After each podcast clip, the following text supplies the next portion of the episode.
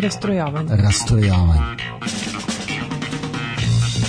Četvrtkom uveče u 8. Uglavnom uživo. Rastrojavanje.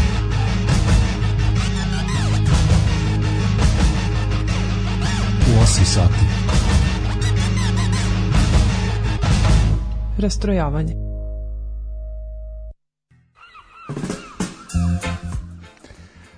Dobro večer, dobrodošli i još jedna emisija rastrojavanja, četvrtak, 8 sati 1 minut, Smilja je tu, Slaviša je tu, naše gosti su tu. Gosti za večeras, Smilja je odmah rekla, predstavi goste bez uvoda. Ok, izvini. Ok, da, ne, da budeš konkretan. Da, i Smilju, Smilju sam zaboravio da, da podigne mikrofon. Da. Ovaj, a, dakle, a, idemo konkretno. A, naši gosti večeras Sandra i Srđan Pavlović, odnosno Aleksandra i Srđan Pavlović, a, profesori, odnosno a, defektolozi, defektolozi, defektolozi nastavnici u osnovnoj školi Heroj Pinki koja, koja se bavi jeli, u Bačkoj Palanci. U Bačkoj Palanci, da. A, ško, osnovna škola za decu sa da. smetnjama u razvoju, je li tako? Dobro Hoću vi da... nama došli. Hvala, bolje Tako vas je. Evo, evo, došao konačno moj čovek koji će konkretno da se ja enko slaviša tamo okolo, naokolo šest stvari. Dobro vi nama došli još jednom. Hvala, bolje. Hvala, bolje vas našli. E, pošto je Slaviša ovako napravio uvod samo da kaže ko ste i gde radite, ajde da nam objasnite šta je u stvari posao kojim se bavite. Samo, samo za pre nego što krenu, ovaj, a, molim te samo ovaj, broj telefona za ljude koji, koji žele da postavljaju pitanja našim ovaj, a, gostima večerašnjim, a gosti će se naravno svim silama potruditi da, da nam a, na, na sva ta pitanja odgovore što iscrpnije, odnosno da, da nam približe taj svoj, da kažem, zanat, jel? Posao. Naravno, ako znači, ima bilo kakve pitanje. Tu da, e, a broj je 061 156 8860. Izvolite. Gosti, izvolite. Pa vi izvolite. E, a sad gosti. Srđan. A, ja sam Srđan Pavlović, ovaj, oligofrenolog po zanimanju. Radim u školi specijalnoj Heroj Pinki već od neke 2007. godine, da kažem, mm -hmm. i bavim se obrazovanjem i vaspitanjem dece sa smetnjama u razvoju. O, Za početak. Da, ozbiljno, ovo kao osoba B, predstavite se. Kako je Srđan rekao? Aleksandra Pavlović, specijalni pedagog po struci, takođe radim u, u školi sa smetnjama u razvoju, Heroj Pinki, i vodim produženi boravak. Pa sjajno. Za, za sada. kako, kako je došlo na ideju da krenete tim putem, mislim, oboje, da, da, da se usavršavate za, za rad sa decom sa ometenom, ometenom razvoju? Što sam da Imamo i osobu C koja je na četiri noge ovde, koja će da defiluje pa vreme. pa, moja inicijalna ideja je bila da radim posao poput psihologa. Znači, uh mhm. -huh. rad sa decom koji imaju probleme u ponašanju, time se i bavi struka specijalnog pedagoga. Uh -huh. I na defektološkom fakultetu sam išla da se obrazujem za tu struku. Silom prilike sam se zaposlila u školi, u školi sa smet, za decu sa smetnjama u razvoju, što se u velikoj meri poklapa sa onim što sam završila, jer deca sa smetnjama u razvoju jako često imaju i probleme u ponašanju. Da. Tako da ja i dalje nisam daleko od svoje struke, ali imam obrazovanje koje može da mi posluži i za druge slučajeve. Mislim, s obzirom da radimo i dodatnu podršku sa decom sa, iz redovnih škola, ja tu mogu da uskočim i sa svojim uh mhm. -huh. originalnim obrazovanjem, da kažem da je rad sa decom sa delikventnim ponašanjem, problemima sa zavisnostima i slično. Da, sjajno. A ti srđane? Čakaj. Uh, pa ja sam prvo hteo prvobitno ovaj, psihologiju da studiram, međutim onda nešto, ne znam, iz nekog razloga sam se predomislio i onda kao defektologiju ću. Ovaj, nekako mi je nemam pojma, ne, nešto mi je više vuklo ka defektologiji, ta, ta praksa, taj rad, ne, nego ta praksa psihologa jednog. Više ja, ja moram da priznam da je uopšte nisam razumela kad si rekao šta si po struci, ja to ne znam ni da ponavljam. Oligofrenolog, uh, znači to je, to je jedan od smerova na defektološkom fakultetu, bivšem defektološkom, sada se zove Fakultet za specijalnu edukaciju i rehabilitaciju, u skladu sa terminologijom, pravilnicima i šta znam, napređenjem svega toga, promenjeno je ime fakulteta, ali eto, to je znači os, osoba stručna za rad sa os, sa decom sa smetnjama intelektualnog tipa u razvoju. Da, da. A sa kojim, ovaj, sa kojim uzrastima radite? To je osnovna škola. Da, s tim što mi u školi imamo i grupu dece koja su vr vrtićko, vrtićka i predškolska grupa. Znači to su kod nas razvojna grupa gde se radi sa decom od 3 do 6 godina. Aha. A onda ide i rad sa decom od prvog do osmog razreda. Znači to je ovaj od 7 do 14. Kolike su grupe otprilike? Male su grupe, mislim da ta grupa trenu, ta grupa vrtićka grupa, znači razvojna bude 6, 7, najviše do 10 dece. O, a grupe od prvog do osmog razreda trenutno je to jako mali broj dece po razredu, znači 3, 4 do 5 dece najviše.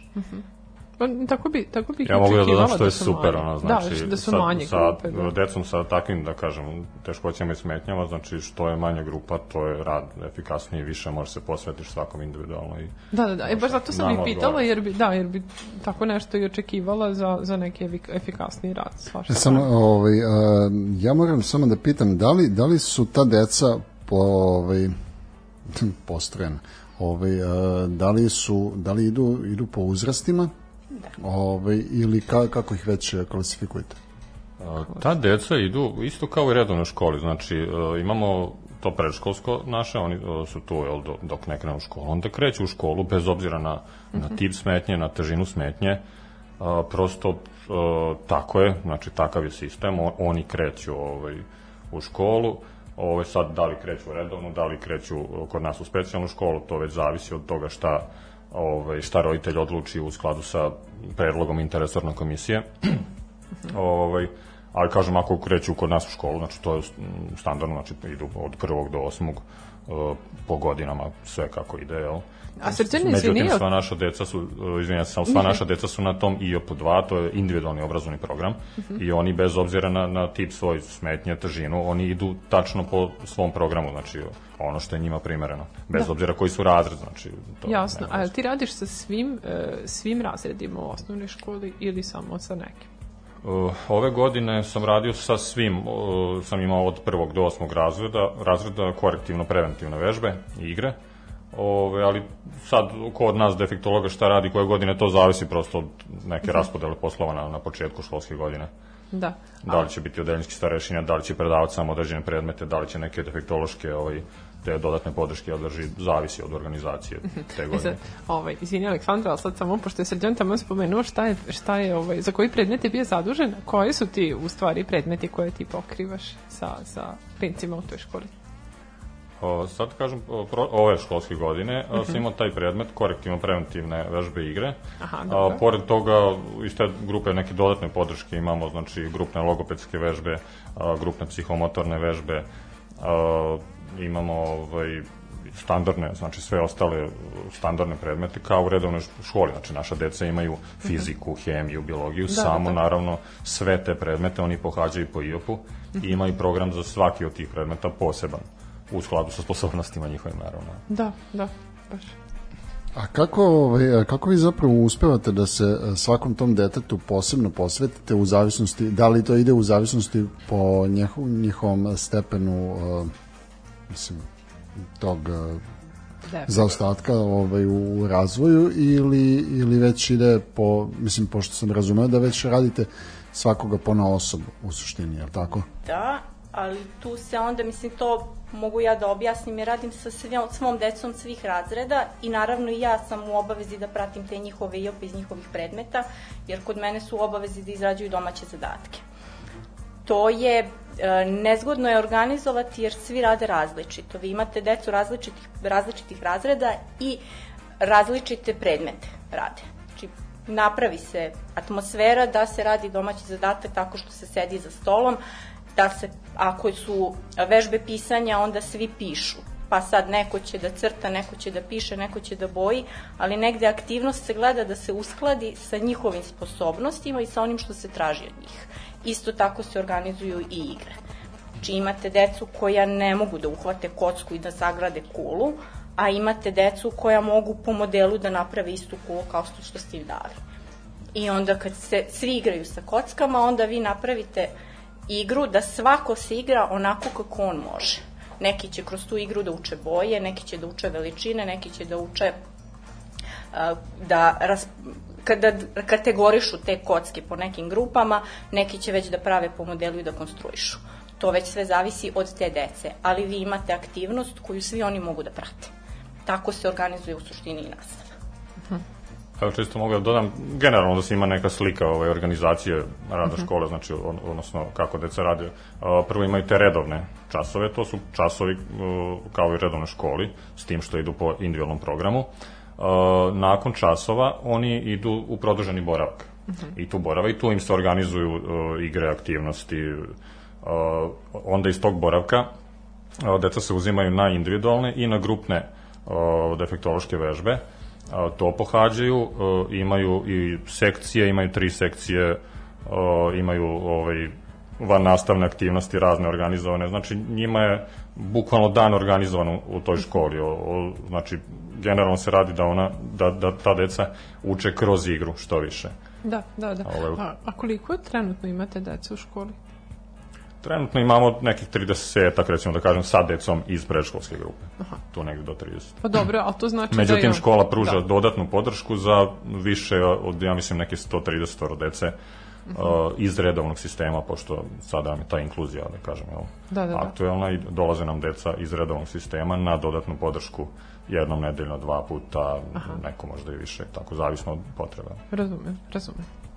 A I sad, pošto su ta deca jeli, e, klasifikovana po, po uzrastima, e, da li i među njim, mislim, e, svedoci smo da i u, kod dece koje, koje nemaju te smetnje u razvoju, kognitivne i svake, sve druge sposobnosti su u, u nekim e, nijansama. Znači, niko od njih nema, nema isti, e, istu smetnju i a, kako, kako se sa time borite? Ka, na koji način ovaj, a, uspevate da dete koje ima jednu vrstu smetnje uskladite sa, sa drugim detetom i za, zapravo da li, da li vi u nekom trenutku posvećujete jednom detetu više pažnje i više radite s njim da bi dostiglo nivo ovog drugog deteta koje je možda ovaj, na, na nekom višem nivou?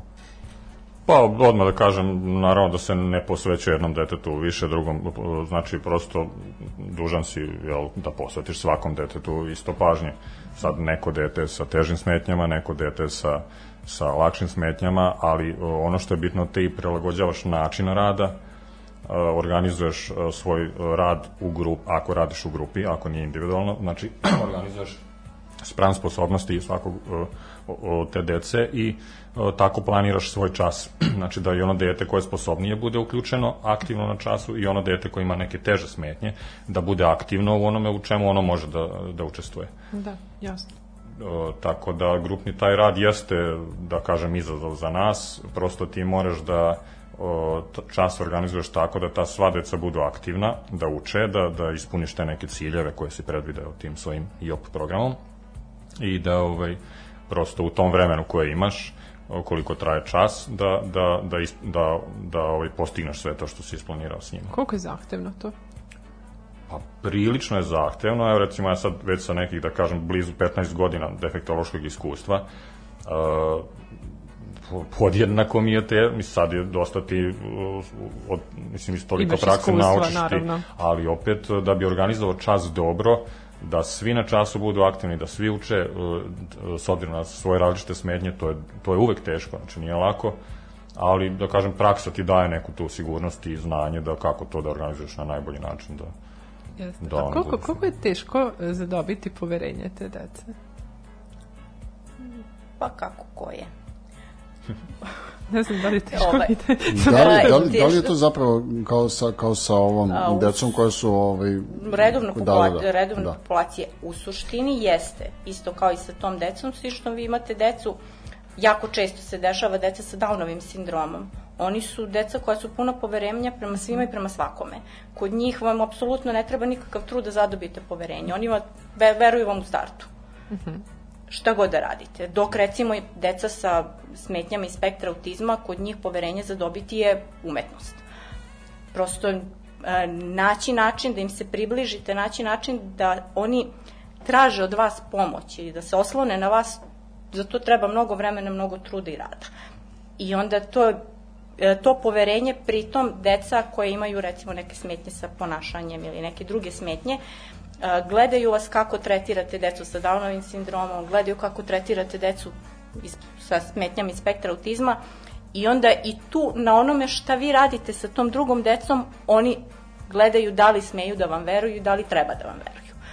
Negde ta struktura rada a, zahteva rutinu i zahteva doslednost i identičan a, stav prema svima i svakako, svom, prema svakom ponašanju u suštini. Znači, neću ja detetu koje a, neće da vrati igračku na svoje mesto, da ga pustim zato što eto, on ima, sme, ima smetnju, ne razume šta ja od njega tražim, pa da ga pustim da on to ne vrati. A ovo drugom detetu ću da insistiram da vraća tu igračku na mesto. To prosto tako se ne radi.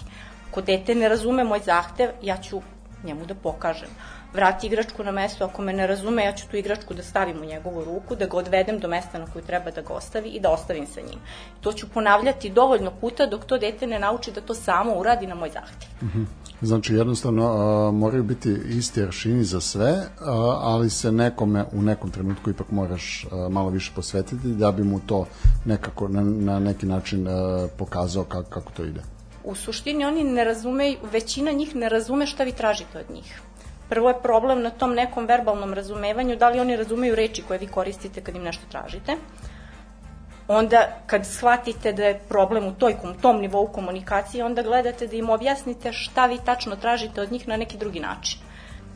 Primerom, slikom, videoklipom koji možete da nađete, da oni vide šta vi od njih u stvari tražite, a pa ako vas, onda imate taj nivo razum, ponavljanja onoga što ste tražili od njih možda ne, ne, ne može da vas imitira, ne razume koncept imitacije. I onda vi njemu fizički pokažete, znači bukvalno pasivnim tim nekim pokretima, mu pokažete šta vi od njega tražite. Dok on ne, ne shvati da on to treba da uradi, ili ona. Mislim, sad... Imamo, imamo, ja samo dodam na to, onako žargonski mi to kažemo, verbalna i neverbalna deca, znači prosto deca koja govore, koja razumeju govor, e, imaju razvijen govor, može se sa njima verbalno komunicirati i deca koja ne govore, gde se koriste alternativne forme komunikacije, bilo da je gestom, pokretom, znači, ali znači, neki vid komunikacije se gleda da se uspostavlja i na tome se radi. Možemo na muziku? Da.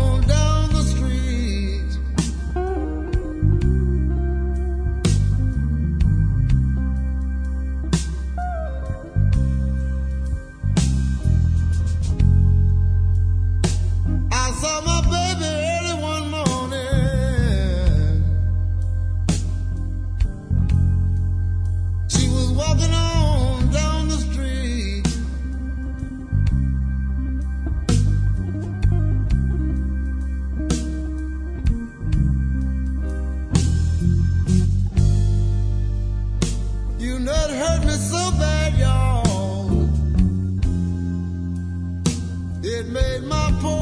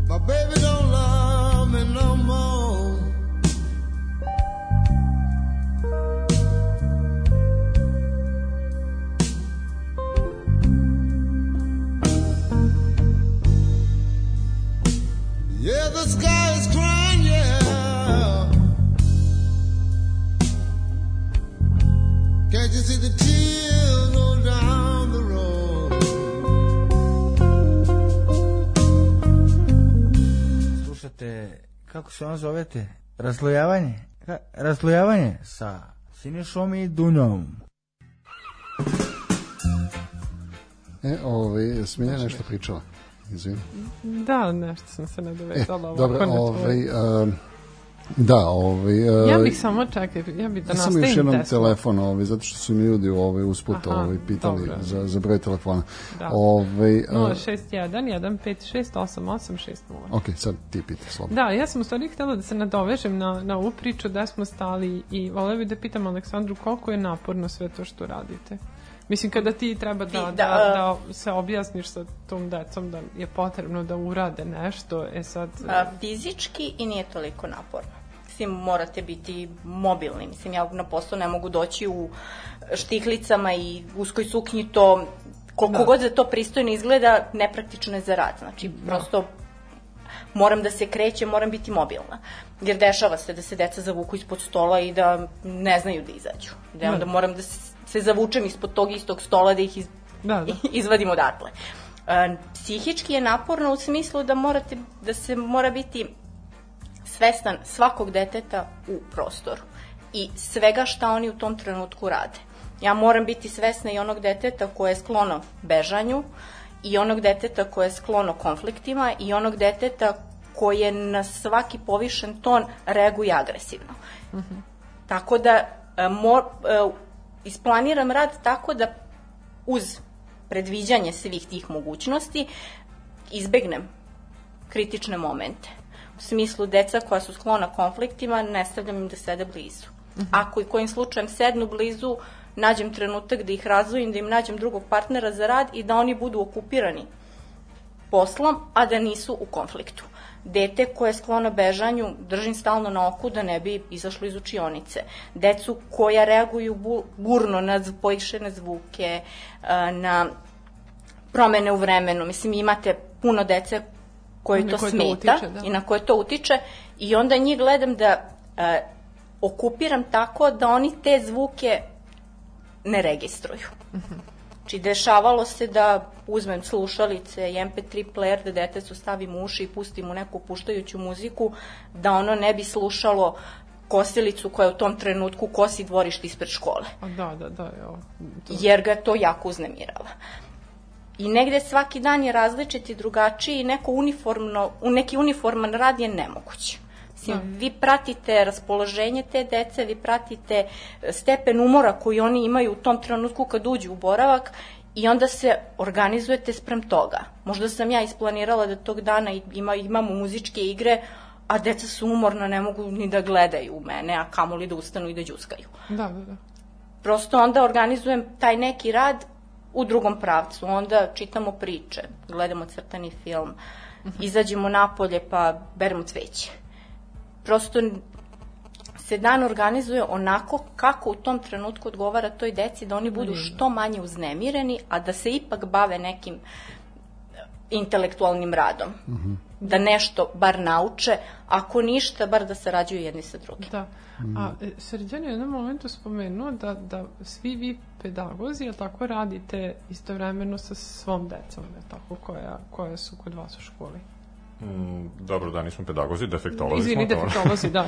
Ovaj, pa radi, uh, kod nas u školi, rekao sam ima do nekih 30 dece, i mi smo svi negde upućeni na njih, jer kroz sve te neke vežbe, kroz, da kažem, redovne časove, časove dodatne podrške, individualne, grupne, mi svi jako dobro poznajemo tu decu. Znači, svaki defektolog u našoj školi uh, odlično poznaje gotovo svako dete u toj školi. Da. Tako da je to nama neka dobra osnova da da, da, ovaj, da im dobro organizujemo rad. Zapravo to je kod nas jako bitno uh, poznavati, uh, jako dobro sposobnosti te dece i ovaj, karakteristike različitih uh, smetnji, poremećaja, to je jako bitno. I onda na osnovu toga to nam pruža, da kažem, tu neku sigurnost da organizujemo dobro rad. Da. A ono što sam htela da pitam oboje, e, zbog jedne e, jako e, ružne e, navike, opho, da kažem, neke, neke vrsta ophođenja prema toj deci, ljudi uglavnom osjećaju neko sažaljenje. Kako, kako napravite razliku između empatije i sažaljenja? Kogod. to je tišina. A, teško je objasniti, ali razlika je jako mala. Evo stupim red ženi. Da. Hvala. Mala je razlika. Sažaljenje obično zvuči jadno, ono Da. baš ništa ne može. A, empatija je, dobro, ne može to dete, razumem, teško mu je da to uradi, pa ajde da ga organ, da to napravim, da nešto drugo uradi ili to na neki drugi način. Prosto negde moram da ga razumem. Da kad ga već razumem, onda mogu da imam i empatiju prema tim njegovim e, ograničenjima. U tom smislu da ću ja onda moći da se saživim sa svim njegovim uspesima ili neuspesima u nekom poslu koji dalje radim sa njim. Kod sažaljenja vi nemate taj nivo biće bolje ili nekog planiranja šta to može dalje da bude. Da, Kod sažaljenja je to samo na tom nivou jadan on. Da, ja, da. A, a, kad si već, ovaj, mislim, ja moram da te prekinem samo, a, koji je stepen a, lične satisfakcije u onom trenutku kad uspeš u, ta, u tako nečemu? Da dete koje, a, koje je zaista bilo u nekom trenutku a, ispod a, intelektualno jako nisko i da ga ti podigneš na neki način da, da vidiš a, Rezultat za rada. rezultat rada i mislim ho, hoću to ovaj to je pitanje za oboje tako da ovaj kogod želi da može da odgovori. A, da li da li osjećaš neki ponos na sebe ili na, na ljude koji koji su sa to sa tobom učestvovali u svemu Pa, tome? u sušti, ja lično budem sre... ja opet odem na taj nivo opet empatije. A, kad vidim da je to dete srećno, ja sam srećna što je ono srećno. Ponosna sam na sebe, naravno. Doprinala sam tome da to dete uspe u nečemu, jer taj uspeh tog deteta nije samo moj. Znači, sve kolege koje rade sa mnom, sa tim detetom, su doprinele tom uspehu. I onda ja ne mogu da budem ponosna na sebe u, u meri u kojoj bi bila ponosna da sam sama postigla taj rezultat. Ali sam srećna kad je to dete srećno, da je ono je uspelo nešto da uradi ja sam ponosna što ono to može. Znači, negde ja se tako osjećam lično kad, to, kad deca uspeju nešto. Pa, evo sad, e, pitala si za to sažaljenje. Ja nekako nikako to nisam, nikad to nisam, možda sam takva ličnost, ne- gledao to tako, da ja sad nešto, bilo što tu sažaljem. Znači, to su ono, za mene, deca, kao deca isto su sposobni da se raduju, da, da plaču kad im nešto smeta. Znači, prosto, eto, imaju neke potrebe, ovaj, svoje drugačije, Koje na drugi način, ali to su isto deca, znači isto umeju da budu srećni, da, da se igraju, da, tako da ja to, i oni sami često bi, ja pretpostavljam da bi bili u fazonu, pa kao što sad mene neko se sažalio, mislim, Da. ono. A, da, da, da, tako da je to to je- neki naš, ne, neka naša projekcija, ti nešto se, za, a u ovom našem poslu ti ne možeš da budeš nešto previše, da se, pošto sagoriš, znači ti moraš da budeš emotivno vrlo stabilan i kao lično stabilan, da bi mogao da radiš taj posao neki, da kažem, duži vremenski period. Jeste. Znači, ali- okej, okay, to je neka empatija, ti, uh, mislim, često mi bude... Ali to je, to je vrlo bude, fair ovaj, u svakom poslu. da kažem, prema roditeljima o, osetim tu njihovu, to njihovo angažovanje, o, prosto teška situacija često, m, mnoga od te dece zahtevaju, da kažem, 24 časa o, nekog nadgledanja, brige, nege, i to su roditelji, mislim, svaka im čas koji daju sve od sebe, Požrtvovani, žrtvuju se. da. Ti, no, kao svaki čovek normalno, imaš neki nivo, da kažem, empatije ka svemu tome. Ali ovako u radu sa decom, ni- nikad je ne, nešto sad to neko osjećanje, puno gledaš da su srećni, da su zadovoljni, da nauče. Znaš, uopšte ne gledam taj neki deo, kao Jeste. sa žaljom. Što Jeste, ono, jeste. I mislim da je to jako, jako pogrešna stvar koja je kod nas prilično rasprostranjena, da se na taj način onako prema njima e, ovaj, op, ophodi ili nekako se postaviš. Ja mislim A da to si- više ljudi, izvini, projektuju Da. neke svoje, ono, ovaj, da Pa, kažem, stavove u vrlo- glavi, vrlo nego što je moguće. samo i toj deci kao do, do njima sad nešto... Ovaj, Jeste, to- ali je Sandra rekla jednu jako dobru stvar što mi e, principu ne vidimo šta ta deca mogu, je li tako? Već šta ta deca Pa ne mogu. u suštini, kad vi vidite dete koje ima teškoće da se kreće, da razume, da vidi, da čuje, e, orijentišete se na to, aha, on to ne čuje, sad ne mogu da mu govorim ništa, neću da mu pričam zato što ne čuje. Ili šta sad da mu pokažem, kako da komuniciram sa detetom koje me ne vidi i koje ne vidi ono što ja vidim. E, negde tu se do, ljudi dođu u konflikt š, kako komunicirati, kako pristupiti takvom detetu i or, orijentišu se isključivo na taj nedostatak. Mislim, dete koje ne čuje, pa ne čuje vas, ali ono vas vidi. Vi njemu poka pokažete šta vi želite od njega i ono će to videti i daće vam odgovor. Dete koje ne vidi, vi ćete njemu reći šta vi želite od njega. Opisat ćete mu šta imate okolo, daćete mu da dodirne, pa će ono negde imati svest o tome šta vi pokušavate da mu kažete. I nema, onda tu nema sažaljenja. Vi sa, sa tim detetom u kontaktu i vi sa njim pratite njega i nema tu, to, e, ono ne može. Može, ali na drugi način. Da, ovaj, a, sad, a, pošto a, pomenuli ste da u nekom trenutku ovaj, a, kako se gleda na, na, odnosno na koji način vi gledate decu, odnosno ka, a, vi gledate na neki način da a, nije da on ne može, nego da jednostavno mož, možda može nešto na drugi način. A, jako smo svesni svi, ne ovde, nego uglavnom ovaj, u društvu, a, ta neka stigmatizacija takve dece. A, I a, ono što ono što želim da da vas pitam, mislim a, svesni smo te društvene stigme da pa znaš kao moje dete jeste ono, ali ja ne bih da ono ide u tu specijalnu školu. I ja bih a, mislim kako se izboriti sa sa tim pritiskom a, kada neko pripo, prepozna da, da dete ima zaista smetnju u razvoju, ali to ne želi da prihvati a, kako, kako, mislim, a, ja kad sam išao u školu, a, ta škola nije, recimo, mislim, u, u osnovnu školu, a, ni, nisu postojale takve škole, baš u, u tom trenutku, recimo kod mene. A, I postojale su određene deca koje su imala i smetnje u razvoju i smetnje u ponašanju, a, i oni su nekako upućivani u poseban razred. I svestan sam kako smo mi gledali na njih. Mi kao deca, i a, znam da a, niko nije želeo da mu dete ide u taj razred ali su svi morali da, da prihvate u nekom trenutku da to zaista mora. E sad, a, ono što želim da pitam jeste a, kako ubediti te roditelje da im je dete na tom mestu? Da, da, ne da mu je treba to... ubediti, vjerojatno im treba lepo predočiti. Pa to je super pitanje što si postavio, uh, pogotovo za ovu našu, da kažem, sredinu, zbog mnogih predrasuda koje postoje i zbog inkluzije koja je kod nas od neke, ajde da kažem, 2010. godine pa na ovamo se sprovodi. Znači, dete uh, po onim krovnim poveljama, poveljama, pravima, znači ima, ima pravo na, na najbolje moguće obrazovanje koje je dostupno njemu. E sad, uh, roditelji kada imaju, uh, mislim, svaki roditelj kada ima dete sa nekom smetnjom, poteškoćom, to je naravno psihološki zahteva neku, da kažeš, snagu da se to nosi sa tim i zahteva od roditelja da psiholozi to zovu razrešen roditelj ili nerazrešen, znači u uh, smislu kako se nosi sa tim problemom uh, njegovog odnosno ovaj smetnje koje dete ima.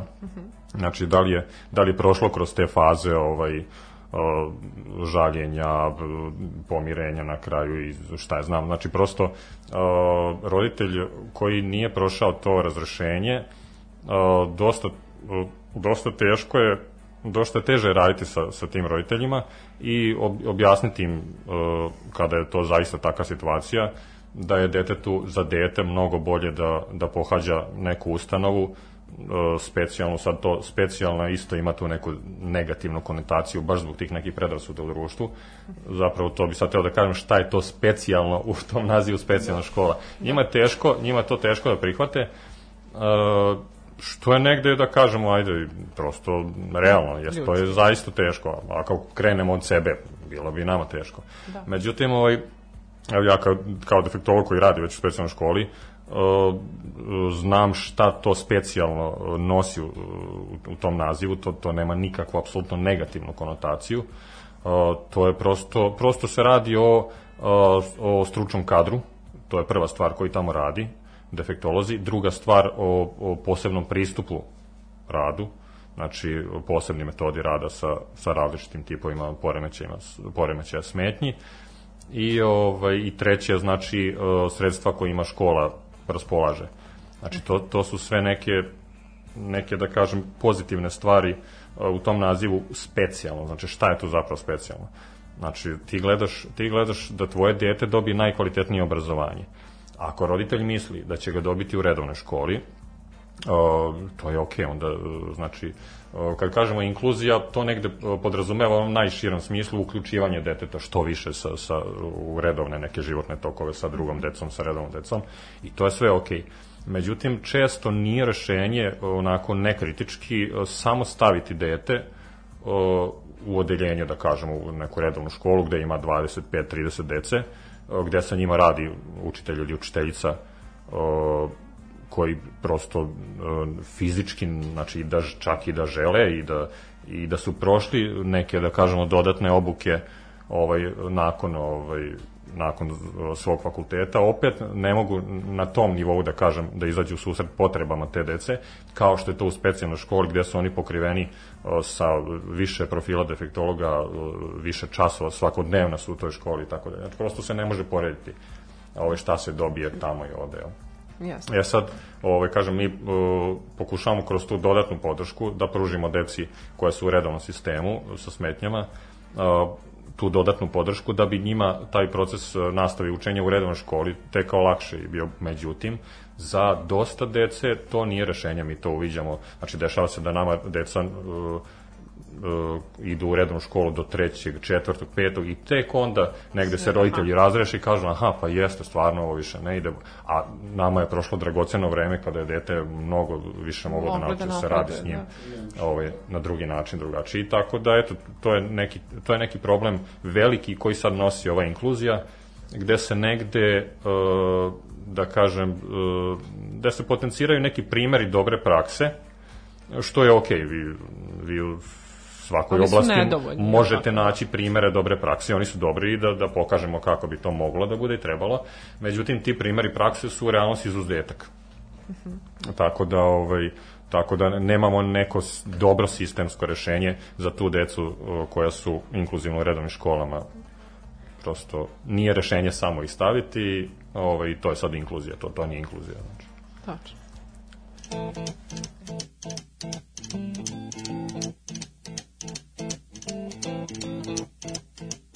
Rumors spreading round United Texas town about the shack outside the game.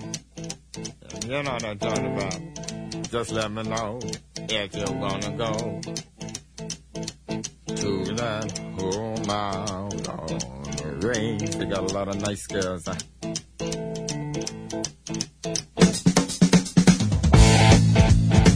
I'm racing.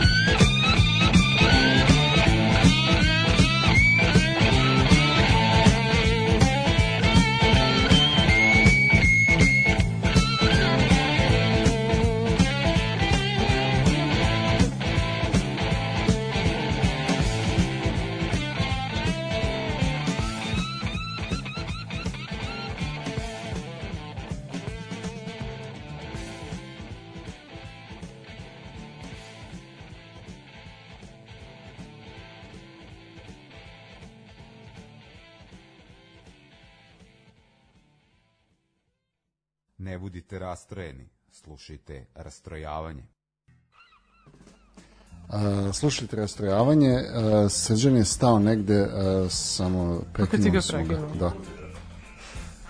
Uh, samo još, uh, znači da dodam vežan, vezano za tu socijalizaciju. Često se pominje ta prednost, uh, da kažem, upućivanja deteta u redovnu školu, uh, ta neka socijalizacija, on će tamo da se socijal, socijalizuje sa vršnjacima, bit će, da kažem, uključen. Uh, u principu, on će biti fizički tamo s, vršnjac, s vršnjacima, ali mm, uh, ne smemo da zanemarimo da je socijalizacija isto veština. Znači, zavisi od kognitivnih sposobnosti, od emotivnog statusa, mnogo čega zavisi kako dete a, uspostavlja socijalne kontakte i kako ih održava. Tako da samo to što ti staviš dete u, u neko odeljenje, ne znači nužno samo po sebi da će ono biti bolje socijalizovano. Često u praksi imamo slučajeve da to dete bude isključeno, da bude ima emotivne, mislim, mi smo imali u, školi našoj takve, da kažem, situacije da deca dolaze iz redne škole, baš isto to su povučena, emotivno, rastrojena, znači prosto ta priča da, da će bolje da se socijalizuju, ok, ali uz neke uslove da tamo da se ovaj prosto posreduje u toj njihovoj komunikaciji s drugom decom, da se radi na to, ja kažem, to je socijalne, nije džaba ovaj predmet kod nas kako postoji socijalne veštine. Znači, prosto dete mora da nauči da se vodi u toj nekoj socijalizaciji. To su mnoge neke stvari koje utiču na to kako će dete da, da kažem, u redovnoj školi da funkcioniše i kako će da uči i kako će se osjeća. Eto. Da li mogu da se nadovežem? Naravno. Dete u razredu, grupi, igralištu, gde god da se nađe među drugom decom, mora biti prihvaćeno. Deca, mlađeg uzrasta dete prihvataju na osnovu njegove sposobnosti uključivanja u igru. Što znači, ako se mi igramo ringe ringe raja, to znači da treba svi da se uhvatimo za ruke u krug i da se vrtimo u krug i pevamo pesmicu. Dete koje prvo ne razume šta treba da uradi, pa ne može da se uključi u to šta treba da uradi, čak i ako ima neko dete koje ga vodi kroz celu igru, ono i dalje zbunjeno i ne razume šta se dešava oko njega. Vremenom bi ono verovatno prihvatilo tu igru, ali deci je ta igra već dosadila, oni su prešli na nešto drugo, ono je opet zbunjeno jer ni tu drugu igru jednako ne razume. Problem je što ta deca oko njega e, ne žele dugo da se igraju sa takvim detetom, jer oni cijelo vreme njega moraju vući za sobom, usmeravati i igrati se sa njim. Kod starije dece to ide na nekom malo višem složenijem nivou, gde oni vrlo često ne pozivaju tu decu na rođendan zato što oni e, ne učestvuju ni u jednoj igri koju ta deca igraju. Ono ne zna da kad se upali svećica na torti treba da sačeka da slavljenik ugasi tu svećicu, svećica je na torti ona je oduvalo. I treba ne znam koliko puta da se objasni tom detetu da sačeka da to uradi slavljenik. Vrlo često su to praktični primjeri funkcionisanja te dece među redovnom populacijom. Često se deci da vremenom budu odbačeni, čak i ako su prihvaćeni neko vreme. Kad deca shvate da, da oni ne mogu da ih prate, da ih ne razumeju, da im treba mnogo više i mnogo drugačije, onda ih vremenom odbace, što je jako tužno i što je tužno ne samo za to dete, tužno je i za tog roditelja, tužno je i za roditelje te dece, jer oni svi žele nekako da uključe to dete, ali su nemaju ni tu veštinu, ni strpljenje, ni vreme da sve to organizuju, da to funkcioniše onako kako je zamišljeno. Da. Ta socijalna inkluzija je jako teška za dostići u našoj sredini posebno, jer smo puni predrasuda. Vrlo često vi na igralište dođete, sa, vidite dete sa posebnim potrebama koje je samo u jednom delu igrališta, druga deca se igraju na suprotnom kraju. Često se, ja sam lično viđala da roditelji dece sa redovne dece odu sa svojim detetom onog momenta kad se dete sa posebnim potrebama pojavi na igralištu. To je trenutno realnost Da. prihvatanja i- da. takve dece. I onda je inkluzija uz to mnogo teže ide. Da, da. Jako, jako strašna stvar, a, a nešto što se stvarno viđa. Mislim, kod, kod, kod nas i sa malom decom i sa roditeljima Ti si njihovim. htjela da pitaš još Da, nešto. htela sam da kažem da e, poslali su nam poruku da ima puno pozdrava za vas, kaže divni ljudi zaista rade izuzetno plemeniti i težak posao i pozdrav za srđana od omiljenom u manjine, znaće ko je, valjda. A ovaj, i ima pitanje šta je ono što oni vole u svom poslu i koji aspekti ih ispunjavaju u svojoj vokaciji? Pa, ja lično volim izazov u radu. Imate dete koje dođe sa višestrukim smetnjama i trebate naći dominantnu smetnju, trebate naći dominant, do, najbolji pristup, trebate naći i otkriti šta je to što njega interesuje, šta ga motiviše, na koji način će ono prihvatiti, naučiti i zadržati ono što treba da nauči. Prosto meni je taj izazov nešto što mene pokreće u poslu. Naravno, postoji satisfakcija kad dete postigne nešto što ste vi meseci, na čemu ste vi mesecima radili. Ovaj, negde je to ono što ja volim u svom radu. A Srđan? Pa, vezano za to pitanje, znači svako dete koje dođe kod nas, o, znači u pitanju je vrlo jedan ozbiljan pristup o, kompletne procene defektološke, znači oligofrenološka procena, logopedska procena surdologa, znači prosto o, dete, dete dobija kompletnu procenu sposobnosti, o, dobija, o, s tim ide i period observacije, znači dete se posmatra, u grupi kako funkcioniše individualno, kako u grupi e, i na osnovu te kompletne procene observacije e, tek onda se e, izrađuje taj neki da kažemo IOP 2 program za njega u skladu sa tim njegovim sposobnostima. A jeste imali e, primjera ovako da primetite nešto, nešto onako baš izuzetno, briljantno. Neretko je da ta deca imaju tako neke onako baš izuzetne Pa imaju često, često recimo se javi, javi kod da. dece sa autizmom, e, jedan manji procenat te dece ima takozvane te savant sposobnosti. da. To su neke tako izolovane, vrlo interesantne, da kažemo, čudne sposobnosti, koje negde ni na koji način ne doprinose njihovom adaptivnom funkcionisanju ili socijalnom ili ali eto imaju te neke mislim ljudi kad se kad se kaže autizam onda uh, sve to asocira na onaj film ovaj sa Dustinom Hoffmanom Da, da. Rayman, gde on eto ima te, ne znam, ne, nevjerojatne sposobnosti da mu ispadnu one šibice i da on odmah sve izbroji. Zaista, zaista ima tih nekih. Ali te neke sposobnosti koje se javljaju kod jednog malog broja dece iz autističkog spektra, e, prosto nisu u nekoj adaptivnoj funkciji. Znači, eto, to su tako neke izolovane sposobnosti. Znači, ne pomažu njima negde da... Da se e, bolje uklope. Da, da se bolje uklope i ovaj, Razumem. Ja imam primer. Aha. Ovaj, radila sam sa detetom koje nije govorilo. Govor, razumeo je govor, ali govor nije koristio. Ali je dete imalo neverovatan muzički sluh. Znači, bilo koju pesmu da je čulo, čuo pre škole, toku prethodnog dana da mu je ostala, e, znao je da je otpeva toliko tačno da ja u nekom momentu dođe budem zbunjena kad sam uključila muziku. Da, apsolutno se Da, i je dete s apsolutnim sluhom, znači tad u to vreme je pevao pesmu od Adele Rolling in the Deep. Znači ja sam bila iznenađena koliko je dobro izvuko čak i one visoke note i prelaze, da je prosto fascinantno koliko je dete lepo pevalo. Ali on nikada nije progovorio funkcionalno da je nešto tražio, da je iskoristio čak i jednu reč da nešto traži. Ali je pevao. A da otpeva? Imali smo i drugo dete koji je, ja mislim da je na pamet znao kompletan Top Shop program.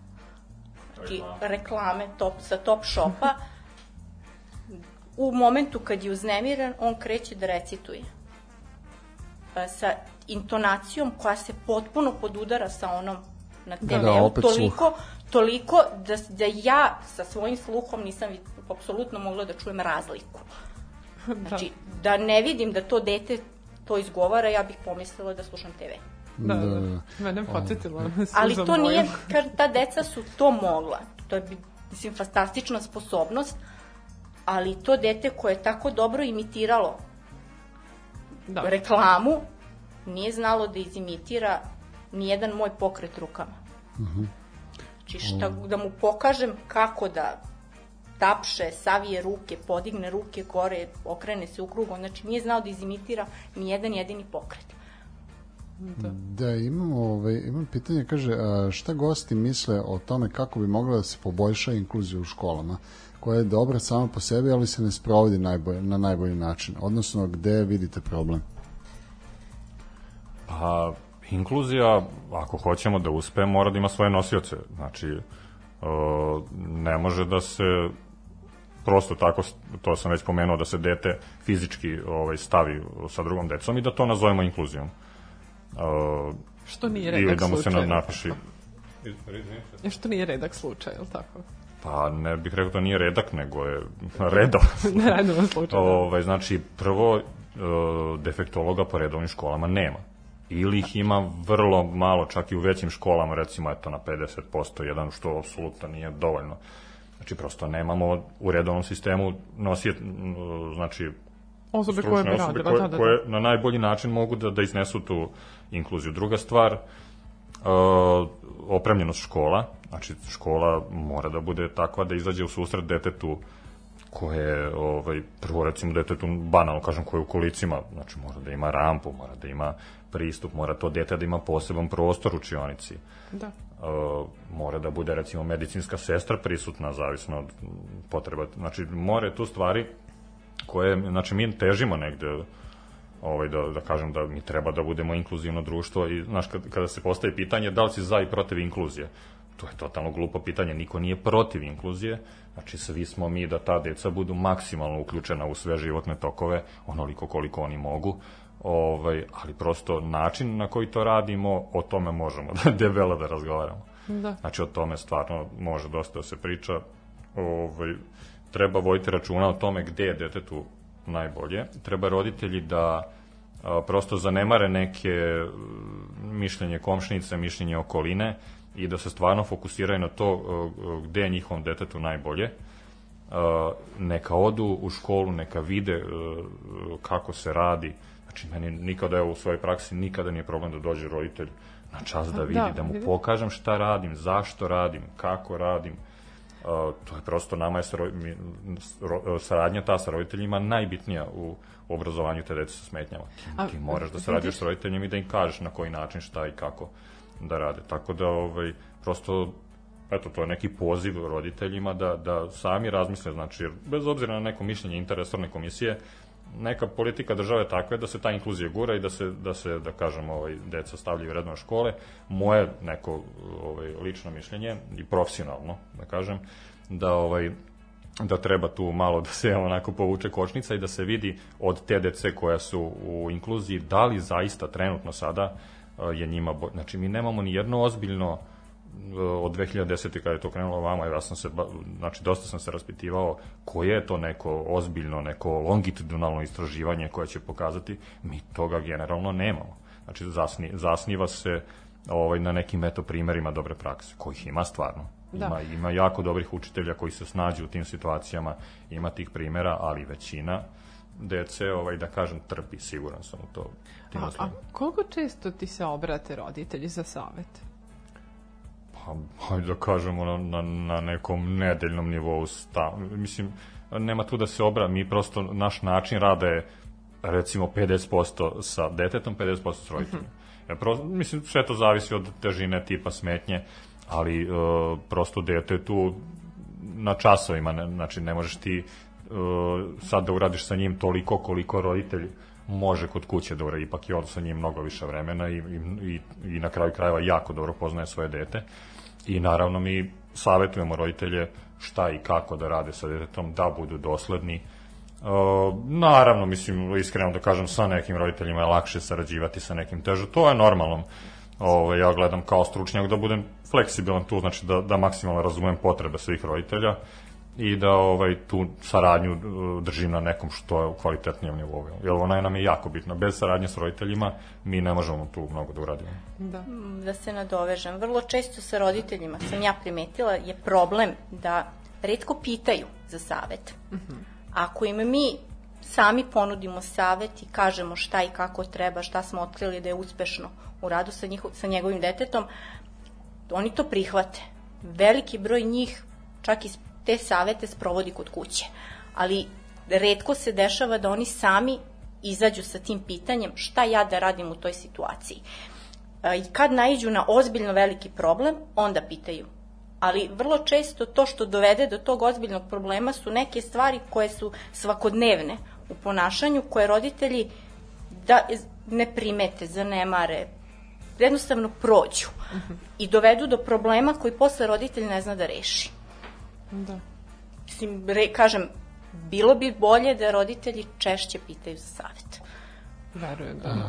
Okay. Kaže opet pitanje, a, moj utisak je da taj a, njihov, odnosno defektološki fakultet sam po sebi već pravi trijažu i ko odluči da nastavi u struci, taj ima potrebne kvalitete, odnosno empatiju, strpljenje, pravičnost i istrajnost. I puno pozdrava za vas. Pa to ja mislim velikim delom u pravu to koje to koje ti je poslao tu ovaj da kažem poruku to jeste zahteva prvo zahteva stabilnost ličnosti. Znači neko emotivno labilan temperament, znači prosto ne može da radi taj posao. Moraš da imaš jedno ogromno strpljenje, smirenost i naravno da voliš to što radiš. Mislim, to bez toga ne može, to, to je ono u svakom poslu ovaj, ali u ovom poslu je najvažnije uh, to neko, ta stabilnost ličnosti i ovaj, to, je to. Naravno, da. Visok nivo I tolerancije. strpljenje, jako puno strpljenja. I tolerancije. tolerancija. Tolerancija je jako bitna da vi e, čak i ako nešto ne razumete, nađete snagu da svoju reakciju sputate zarad dobrog saveta, zarad dobre preporuke.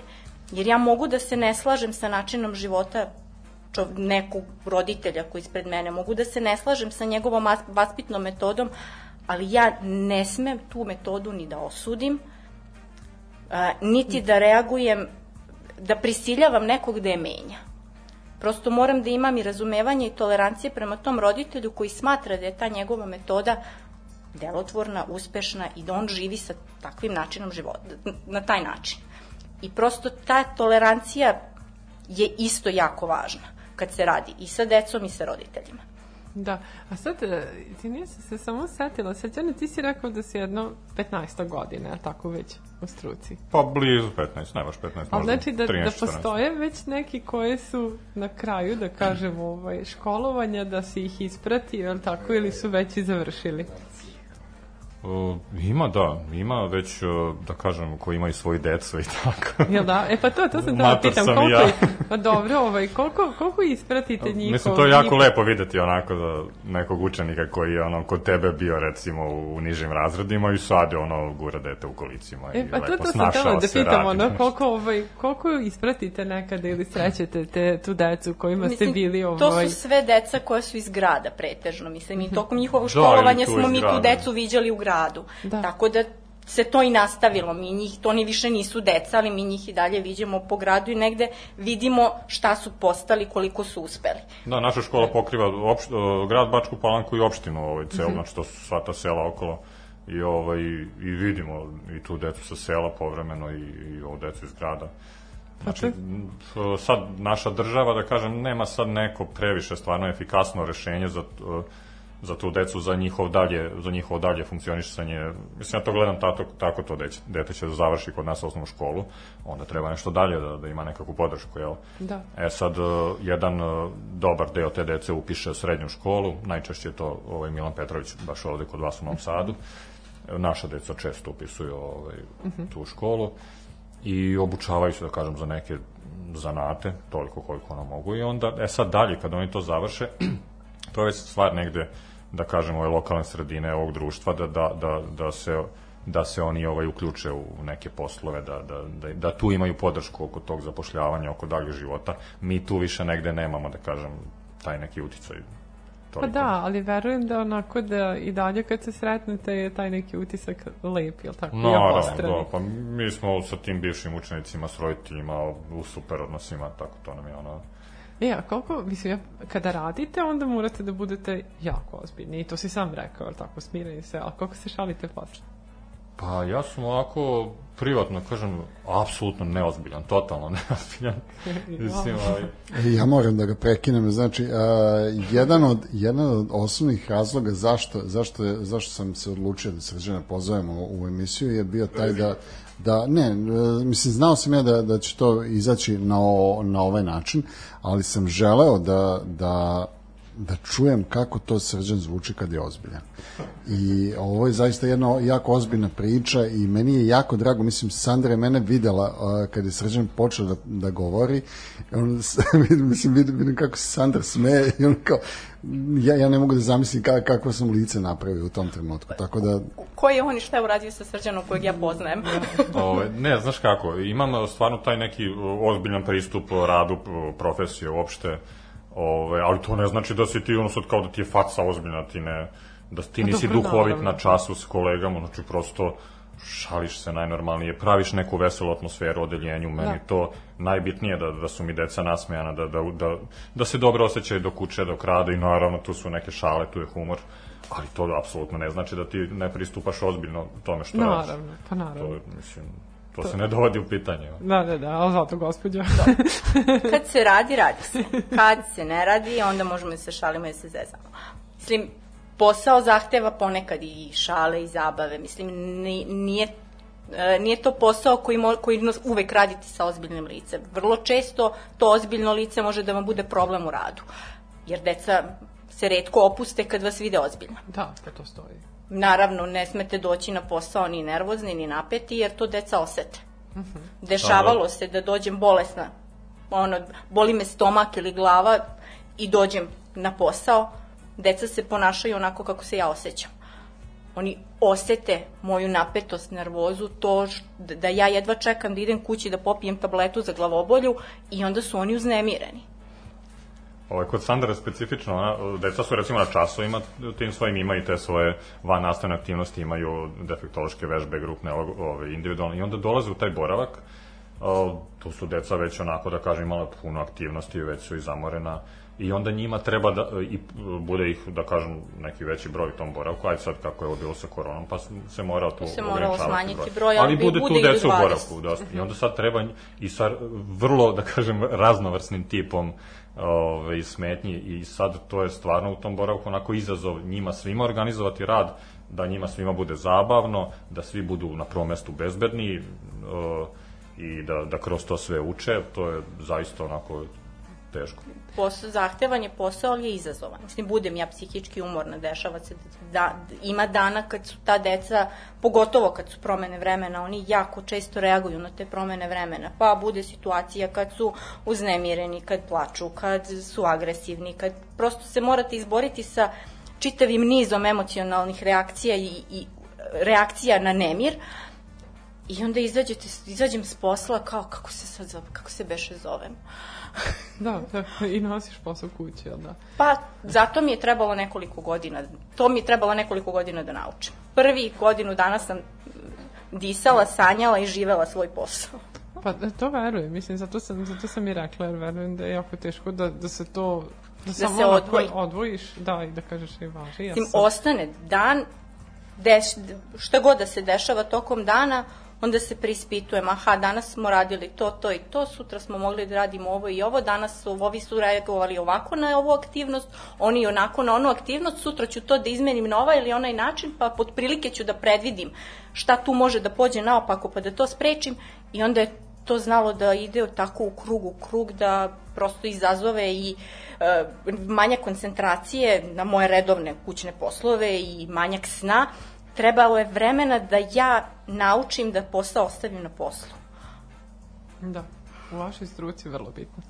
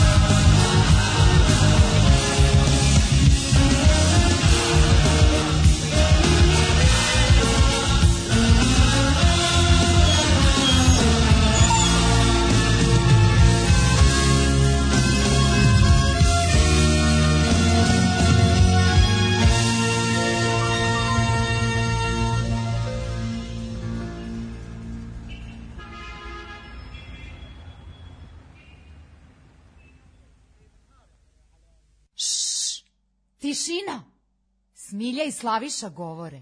Rastrojavanje.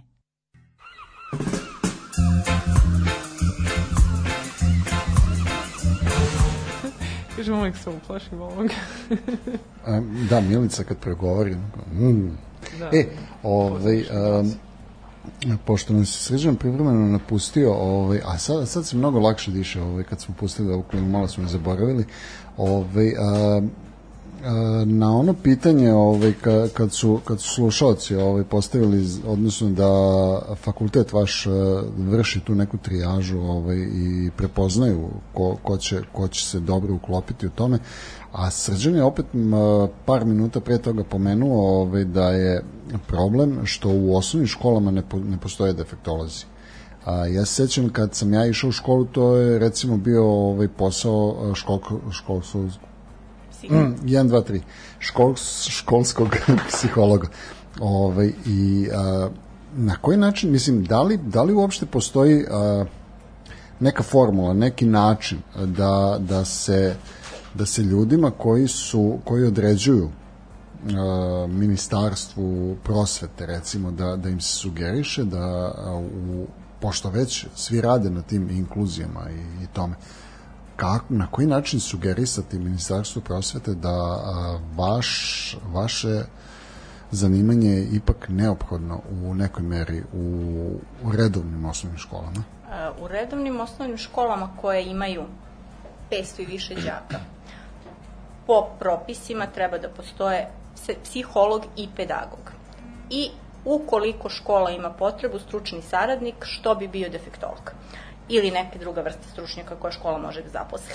S školama sa pre, koji imaju hiljadu i više đaka ovaj, i da imate defektologa u tom timu, uh, jedan defektolog će teško pokriti Taj broj. taj broj dece.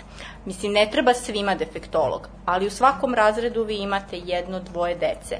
Imate decu s višestrukim smetnjama, decu koje treba svakodnevno defektolog, decu koje treba jednom, dva put, tri put dnevno. Prosto, taj defektolog bi radio puno radno vreme. Da. I pitanje je da li bi postigao sve što treba da postigne. Pa evo primer jedan samo recimo u Bačkoj Palanci, najveća osnovna škola Vuk Karadžić, e, ne znam tačno koliko sad imaju e, dece, ali mislim da je negde čak možda do hiljadu ili pre, oko hiljadu, ajde da kažem, ne znam, nisam siguran. Ali oni imaju e, jednog defektologa i to isto nisam siguran da li je na 50 ili na 100%. Mislim neka i na 100%, eto neka jedan defektolog. Znači na taj broj dece, a generalno u opštoj populaciji svako drugo, treće dete ima nekak, nekakvu poteškoću. Sa ne. Znači najčešće su, da kažem, te neke govorne uh poteškoće i problemi. Ovaj, ja Slaviša Da, imamo, da, da, da, da. Slaviša ti pričaš da su savršeni. Pa više je osmislio ime Ovaj. ove emisije tako da nauči da kaže slovo R. Da. ali, ali generalno ovaj, potreb, potrebni su defektolozi u tom redovnom sistemu ako želimo inkluziju. Onako kako bi trebalo da se sprovodi. To je, to je jedno pitanje, sad kad si spomenuo uh, taj slučaj koji postoji kod vas, koliko često ljudi iz te osnovne škole vas konsultuju za, za neke probleme sa kojima se susreću? Pa mi imamo saradnju e, sa učiteljima iz osnovne škole. Znači, Mhm. e, kada dete e, pohađe kod nas dodatnu podršku, to dete ide kod nekog učitelja tamo je, ili kod nastavnika, zavisno da li u nižoj nastavi ili u višoj. I mi naravno ostvarujemo saradnju i sa tim ovaj, učiteljima, stojimo im na raspolaganju, Ovaj, to je naš stav uvek, znači evo i sada da kažemo ako je Da, da, još jednom, javno. znači Javni poziv. na raspolaganju vezano za, pošto mi odradimo procenu kompletno kod tog deteta, uh, znači uh, na, u raspo, na raspolaganju sam im vezano za izradu posebno tog uh, IO programa, znači šta staviti tamo, šta je dobro staviti tamo, šta to dete zaista može, šta je neka procena da, da će moći za tih šest meseci ili na, ovaj, na koliko je na polugodište, za koliko je IOP definisan. Znači, prosto mi tu sa naše strane e, saradnju i, inica, i iniciramo i želimo da održavamo, jer prosto ako su već ta deca u rednoj školi, onda gledamo da, da što više pružimo podršku i tim ljudima koji rade u, osnov, koji rade u osnovnim školama, da, Da, da na kraju bude bolje za to dete. slažem se. Slažem, ako pogledaj, kao šta hoćeš. Sad svi gledaju u mene, ovaj, očekuju pitanje. Ovaj, a, pa, mislim, a, lepo, lepo si ti to ovaj, i observirao, ali um, na koji način, mislim, rekao si već da ovaj, na, na recimo tih hiljadu učenika u osnovnoj školi do, dođe jedan ovaj, defektolog, odnosno oligofrenolog, odnosno već šta. A, kako uticati na ministarstvo da, da se to, mislim, da li, da li uopšte postoji bilo kakav način da, da se to sprovede u neko delo? Pa to već sve zavisi od ministarstva i njihovih mislim, najčešće finansijskih mogućnosti, s obzirom da ima, ne znam tačno koji je broj škola, ali ako biste zaposlili defektologi na svaku školu, to bi bio ozbiljan broj radnih mesta i ozbiljan Da, mislim, državni finansijski izdatak. I Inkluzija zahteva novac. I, I- tu je, to je Da. ono. Znači, mislim da je naj, najviše taj finansijski moment taj koji onemogućava zapošljavanje defektologa po školama. Mislim, Da, da. potrebni su Evo, tamo, se potrebni su i u vrtićima. Tamo su čak, ja mislim, mnogo potrebniji nego u školama, jer rad sa decom i sa smetnjama u razvoju kod mlađe dece ima mnogo veći e, efekat kad se radi ranije. Pa da, upravo je Srđan rekao ovaj, ka- kad je observirao ovaj, da, da mnoga deca tek negde u trećem ili četvrtom razredu tek dođu kod vas u osnovnu školu i da je tad već e, suviše kasno. Odnosno, možda nije suviše kasno, ali da je relativno... manje. Da, Da, e, škola je u obavezi da pokuša sve što je u njihovoj moći, da tom detetu izađe u susret, da ono na sve načine na koje škola može da mu pruži nauči nešto. I škola to radi i trudi se do tog nekog četvrtog, petog razreda kad vide da to dete više ne može, da je došlo do svoje granice i da mu treba nešto drugo ili nešto više. I onda dolaze kod nas. Da. A, kaži mi, da li, da li re- recimo ima neka, m, mislim, sredstva kojima najčešće pribegavate da se ta deca na neki način animiraju, zainteresuju za nešto, e, da, da im onako bude vrlo komotno, ugodno. Koliko koristite tehniku? Sad mislim, mene onako baš zanima, ja pretpostavljam da postoji ono set učbenika koji je propisan. ja tako Postoji, tim. ali u praksi većina tih teorija i predloga koje teorija nudi z- opet zavisi od deteta. Može da se koristi, ali kombinovano sa drugim metodama. Prosto ne postoji jedna metoda koju vi možete da primenite na sve. Mora da se iskombinuje. Mo- u mom radu ja moram da vodim računa da deca koja su osetljiv, imaju osetljivost, slušnu osetljivost, vizualnu osetljivost, znači moja učionica ne može da bude prešarena jer ima dece koje smeta šarenilo, koje to ometa i koja ne mogu da se skoncentrišu i da rade zato što gledaju šarene sličice po zidu. A, imam, moram da vodim računa da muzika koju puštam ne bude preglasna, da ne smeta deci koja su, su osetljivijeg sluha. A, isto tako sam primetila vrlo često kod dece iz spektra autizma neki instrumenti, zvuci nekih instrumenta ih iritiraju. Ja onda moram da otkrijem koji je to instrument koji ga iritira, da izbegavam kompozicije i muziku koje koriste taj instrument. E, negde vremenom se otkrije u grupi koju imate koji je najbolji način i najbolja metoda. I šta može da se koristi da se ta deca opuste i animiraju. Da, a ko, mislim, ajde sad, spominjali si da, da im puštate neke crtače, pa slušate muziku i sve to, koliko, recimo, rade na računaru? E, ima dece koja su kod kuće dosta na računaru i nama roditelji najčešće i prijave koliko vremena deca provode na računaru i onda gledamo da toj deci ako provode puno vremena na računaru kod kuće, računar u školi ne mogu da koriste ili im ograničimo korišćenje računara u školi.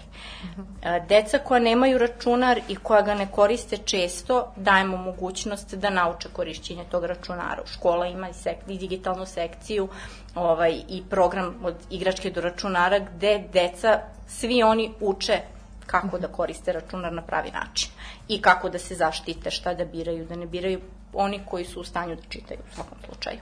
Da znaju da izaberu taj neki internet sadržaj, naravno, roditeljima se uvek preporuči koji sadržaj je da ograniče svoje deci.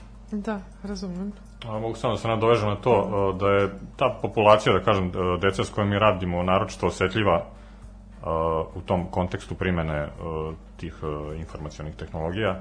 Znači, podložni su manipulaciji, vulnerabilni su, e, znači, tu je jako bitno eduka, edukovati ih u smislu, znači, bezbednog nekog korišćenja tih prvo društvenih mreža, onda generalno interneta, govorim za decu naravno koja su ajde na tom nekom nivou da mogu da sednu za računar, da koriste internet, da društvene mreže. Znači, prosto to su deca sa smanjenim intelektualnim sposobnostima a, i oni a, neke stvari ne mogu da, da, da shvate, ovaj, da, da zaključuju i da pro, prosto zbog toga je naročito važno s njima taj aspekt ovaj, jako dobro odraditi, razraditi, znači ta, ta neka sigurnost. Evo, ja baš držim tu digitalnu sekciju što je Sandra pomenula. Da. Deca, mnogo, mnogo tog, znači mnoga naša deca, oni znaju da upale računar, da ugase, da, da pokrenu programe neke. Mi smo čak radili uh, na toj digitalnoj sekciji, ima platforma Scratch, to je za programiranje. Programiranje, ali uči se zapravo, mislim, svako ko zna šta je programiranje, uh, razume da je to zapravo jako dobra stvar uh, mnogi imaju otpor kao uvodi se programiranje od ranog. Uh, o čemu se tu radi? Programiranje je zapravo analiza nekog problema i rašlanjavanje na neke male korake. Znači, Da. to je ono što deca mogu da rade. To nije sad ti kao učiš dete da programira, sad će on piše neke programe u prvom razredu. Znači, ne radi se o tome. Nego ga učiš da razmišlja analitički, da razloži neki veći problem na, na, na manje probleme, da onda rešava te manje probleme i da postepeno dolazi k- do cilja. I kroz tu stretch platformu, ona je urađena onako kao crtani film, film ima neke likove, onda mi tu, na onoj, pošto imamo ono smart board, onu veliku tablu, uh, to ovaj, tamo postavimo i onda oni biraju te likove, onda kažemo taj lik će da ide 3-4 koraka, pa mu damo tu komandu, pa recimo ako taj lik sretne drugog lika, desit će se, tu učimo ono usnov, uslovno, jel, ono, Da, da, da, da, da. ako je ovako, onda onako, ako je druga, znači Da. prosto uh, taj neki način kroz igru uh, i mogu, mogu naša deca uh, mnogo toga da ovaj, Mislim, oni mnogo toga ne mogu, ali mnogo toga i mogu. Treba da staviti težište na to što oni mogu i onda to ovaj, prosto forsirati raditi na Sa tome. I stvarno, decom. dosta njih savlada neke stvari u nekoj meri koje ni, ni da kažem deca iz redovne populacije ne ovaj, jednostavno ne, ne barataju, ne savladaju. Znači On- mogu, on- hoću da da. kažem, jedan broj dece mogu neke stvari ih zainteresuju i oni to sasvim lepo savladaju. Ono što je bitno sa njima je da to bude jednostavno, kratko, jasno i po red, određenom redosledu. Da oni taj redosled mogu lako da zapamte i da ne razumeju svaki korak po nosu. Da, a sad samo jedno pitanje, e, to sada kad je srđan rekao kao neka deca su u stanju da urade stvarno neke izuzetne stvari, e, da li se onda to nekako neguje, da, da, vi, e, da vi se trudite da to dete malo više radi na, usav, na usavršavanju tih sposobnosti za koje ste prepoznali da, da, da su kadri, da kažem? Pa, e, ako si mislila konkretno na e, sposobnosti, recimo, kod dece neke izuzetne iz, e, kod dece iz autističkog spektra, ovaj, one se javljaju odmah, da kažem, e, u generalnoj populaciji kad se pomene autizam, kod ljudi koji nisu preterano inf- informisani i obavešteni o, o- ovaj, o tom poremećaju, odmah se misli na te neke ljudi koji imaju te neke specijalne sposobnosti osobe, jel? Da, da. Međutim, to je jedan mali procenat, imate spa, sound sposobnosti, što Da. kažemo, i one, one uh, prosto, to je neki vid uh, stereotipije kod tog deteta, znači, deca koja imaju taj nisko funkcionalni autizam, uh, oni prosto im, imaju te neke pokrete rukama, uh, klaćenje, taj neki rocking, što kažemo, a deca koja su nekom višem, uh, taj visoko funkcionalni autizam, te neke stereotipi se ugledaju uh, u samoforsiranju nekih tema, recimo samo uh, marke automobila ili marke mobilnih telefona, samo toga zanima, ili recimo futbalski timovi zna sve žive. To je zapravo taj jedna, nekad, da kažemo, stereotipi, ali na tom nekom abstraktnijem nivou. E sad, nama je bitno, kao defektolozima i roditeljima je pre svega jako bitno, koliko to nešto utiče na, na realne neke životne uh, veštine i sposobnosti. Znači, ono, ok, evo, ovo što je Sandra pomenula, dete koji ima apsolutni sluh, on će možda vremeno, ako se neguje to i ako se usmeri, on će možda naučiti da svira klavir, uh, ako uspe, jel, pa će moći da, da, da taj sluh, da kažemo tu da iskoristi.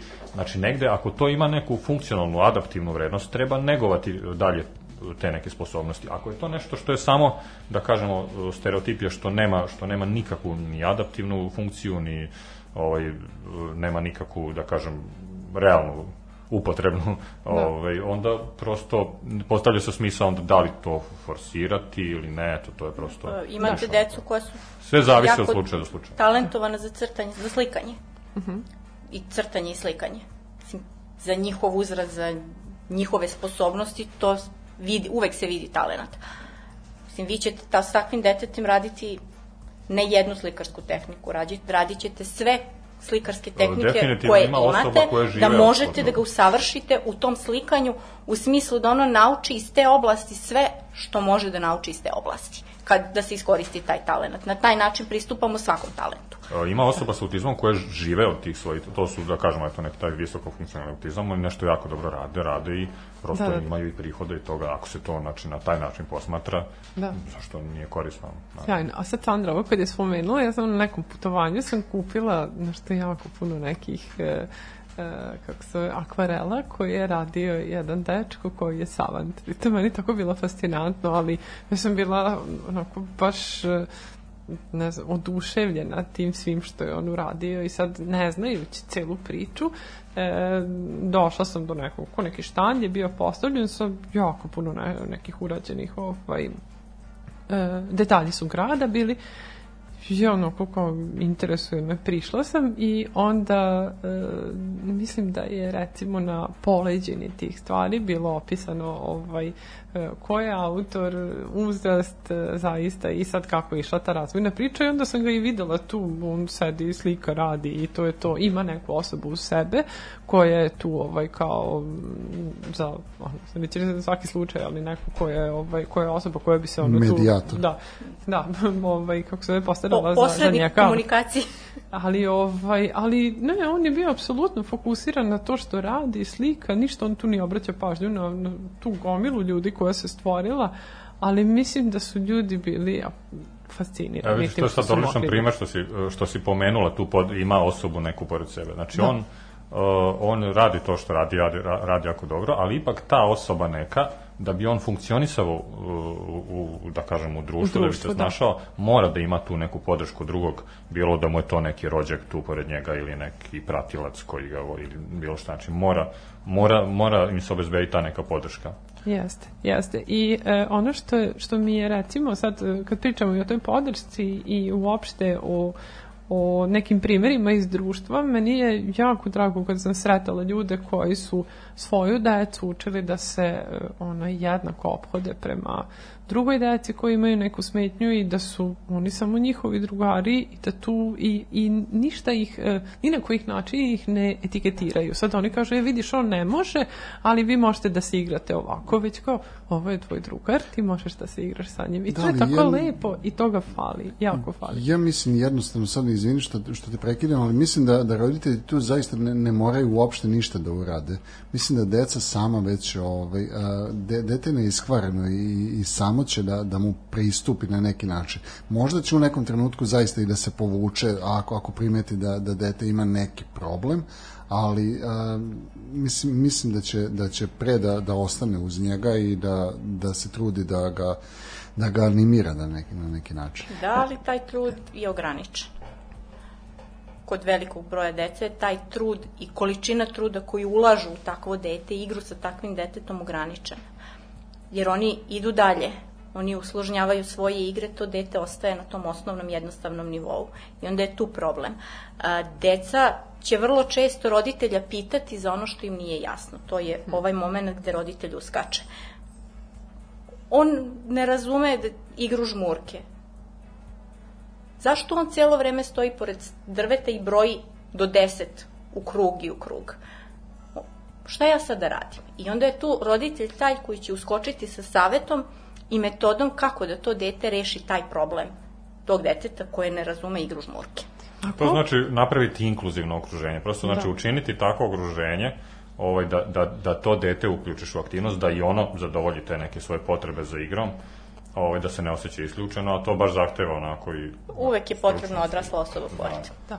A samo, izvini, samo jedno pitanje, sad pošto pričamo o ovome, e, da li ste se susretali sa situacijom da se deca postave zaštitnički prema toj deci koja imaju neki poremećaj u ponašanju ili bilo kakvu smetnju? nisam u redovnom okruženju nisam bila u prilici da zateknem tako, takvu situaciju, ali kod nas u školi smo, imamo situaciju da devojčica koja ima problema sa govorom i koja ne govori i pritom ima i emocionalnih problema, decu koja su na jako niskom nivou, koja imaju puno višestruke smetnje u razvoju, ona preuzme i čuva. Znači, ona njih vodi za ruku, pokazuje im igre, kako se skače, kako se boji, kako se slažu kocke. Znači, toga ima kod mene sam takvih primera ima ne samo taj nego i više takvih primera gde dete koje je malo boljih sposobnosti preuzme brigu o onom koje je lošije. Dobro. Znaš kako već naša deca, naša deca su već negde, uh, ajde da kažemo, oni su stalno tu u školi i njima je sasvim normalno okruženje, ovo dete ne čuje, ovo se teže kreće, ovo dete, ovaj, ne znam, ne govori. Oni su navikli na te različitosti i ona sutra kad odraste neće da tamo na ulici da upre prstom i Jeste, kad se šete kaže vidi onaj, u, ne znam, recimo u kolicima ili onaj, ne, ona je razvila tu neku senzitivnost ka, ka tim različitostima i to, to će posle sasvim normalno da prihvati. Da. Ja bih samo na, na jednu muziku, ovaj, pa ćemo posle, ovaj, imamo još ovaj, neke pitanje i observacije.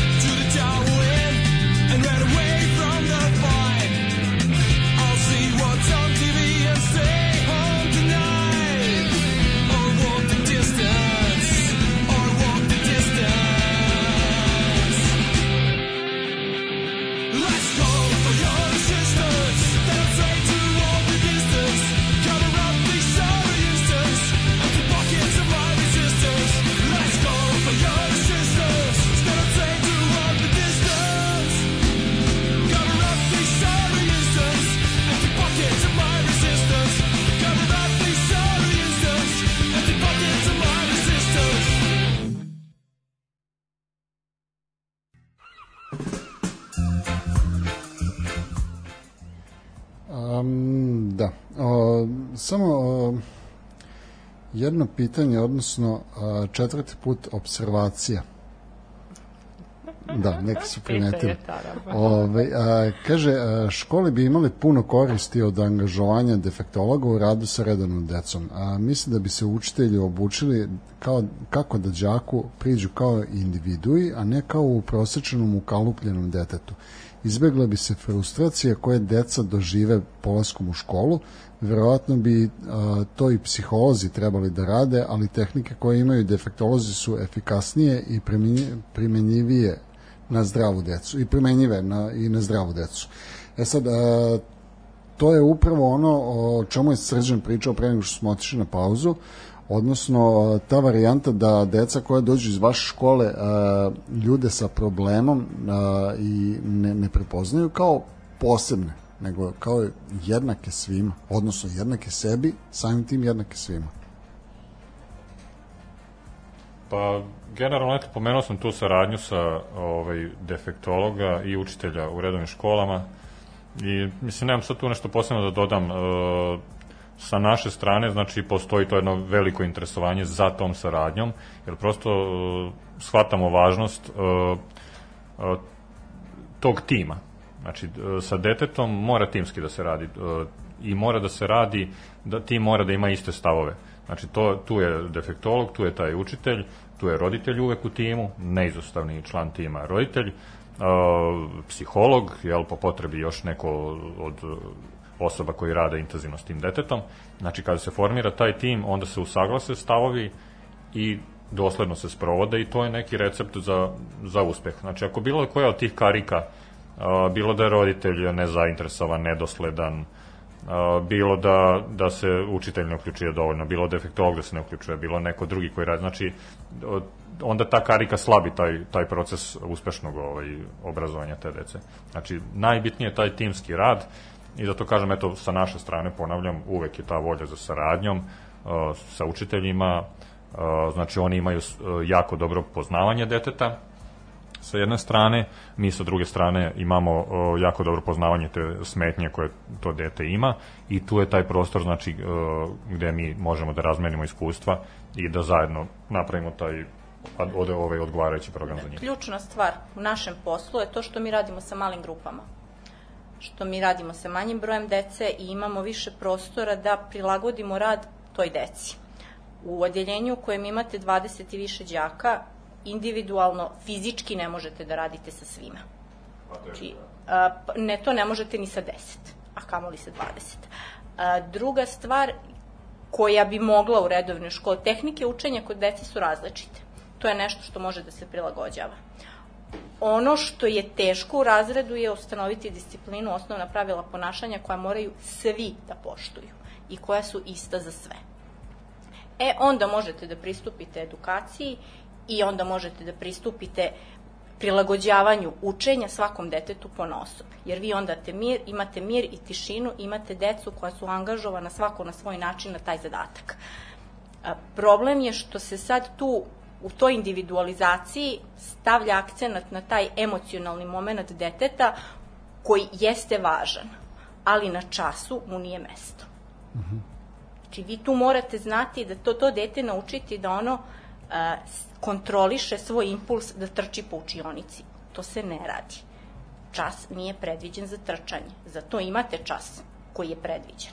Koliko dete ima smetnju, pa fizički nije u stanju da se obuzda, da mora da skakuće, da, mislim, imate decu sa ovaj poremećajem pažnje, ADHD sindrom, kod kojeg dete stvarno nije u stanju da se kontroliše svoje pokrete i ono stvarno mora da se kreće tokom tog časa. Tu pravite izuzetak, ali kod sve druge Da, dece da to ne možete. To prosto uh, remeti rad učitelja, remeti rad sve, sve dece u grupi. Da, na, ko, na koji način se onda ovaj, pristupi tom detetu koje ima poremećaj pažnje? Odnosno koje, koje mora da, da prošeta, koje jednostavno u trenutku kada oseti tu potrebu ustane i odšeta. A, ukoliko imate razred koji mu držite pod kontrolom po, pi- po pitanju ponašanja, vi to a, obavestite svu decu o tipu tog problema. Znači, ceo razred mora da se složi sa vašom metodom, da ta deca ne bi htela isto. Jer će vrlo često će se desiti u razredu kada vidi, jedno dete vidi da on trči po učionici, pa mogla bi ja malo da trčim da ne bi pisao ovaj hiljadu i jednu kosu crtu. E, prosto je to u dečije prirodi da uvek žele. Samo da se nadož- nadovežem na ovo, znači ta deca sa ADHD, da kažemo skraćeno, jel, oni imaju tu fiziološku potrebu za, za povišenim kretanjem i ako je to dete u redovnom, redovnoj školi, e, ti to kretanje ne može sputati. To je neurološka, fiziološka potreba. On će da ispolji. On će da ustane, znači ti to ne možeš da sprečiš. Ako pokušavaš na silu da sprečiš, dovećeš, dovećeš do još veće anksioznosti i problema u ponašanju i tako. To se ne sprečava u, da kažem, u nekoj potpunoj meri, jer je nemoguće. Znači ti možeš da kanališeš Izvini, ali ka, ka, na koji način onda uh, sprečiš da ostala deca ne, ne primenjuju taj isti način? Uh, pa prosto osvešćavanjem kod ostale dece uh, da to dete uh, ima tu potrebu i da mora da si- Mislim, ja gledam uvek nekako to realno. A kad god se negde ono detačuješ, kad se odvaješ od realnosti, ti onda praviš tu neki problem sebi. Ako ti realno objasniš deci da, da recimo mali Milan Steva, kako god se zove, ima potrebu da se više kreće, e, zato ćemo mi njega uposliti da on, recimo, da ide da briše tablu, da on nešto doda tamo učiteljici, da on, znači sve te neke aktivnosti, aktivnosti koje podrazumevaju više kretanja, ili kad su u pitanju radne pauze neke koje se prave, u tim pauzama da mu se organizuje, odnosno da mu se dopusti to kretanje, jer kažem, to je fiziološka njegova potreba, takav, takva je vrsta poremećaja i ne može, odnosno kontraproduktivno je skroz to sprečiti u, u, ovaj, nemoguće. Znači, na neki način se mora kanalisati ta potreba da bude produktivna. Eto, to je negde da prošeta, da, da nešto odradi. Znači, e, teško je organizovati taj rad, pogotovo ako imate odeljenje sa 25-30 dece, gde ima jedno takvo dete, drugo dete, recimo, iz spektra autizma, treće dete još nekakav. Znači, to je uč, učiteljima zaista problem.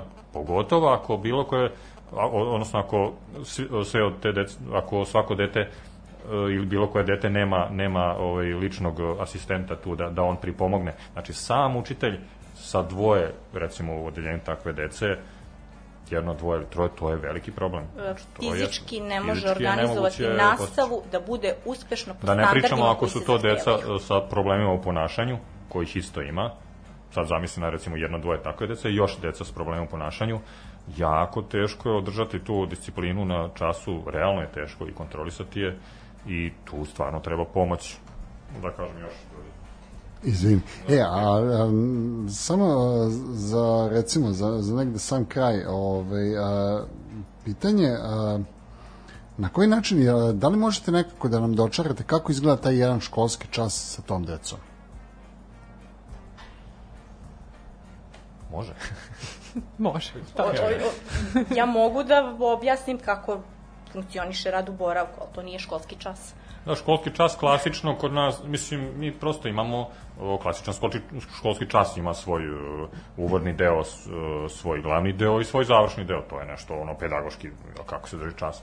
Samo što uh, su te neke odrednice, uh, ti neki osnovni principi, kako se drži čas, kako se vremenski organizuje tok časa sam, to je kod nas dosta fleksibilnije, jer mi prosto ne možemo ukalupljeno, nam, nama su sva deca različita i mi uh, sve podređujemo uh, da, da bi postigli taj neki cilj časa. Ako treba, razvući ćemo taj uvodni deo časa.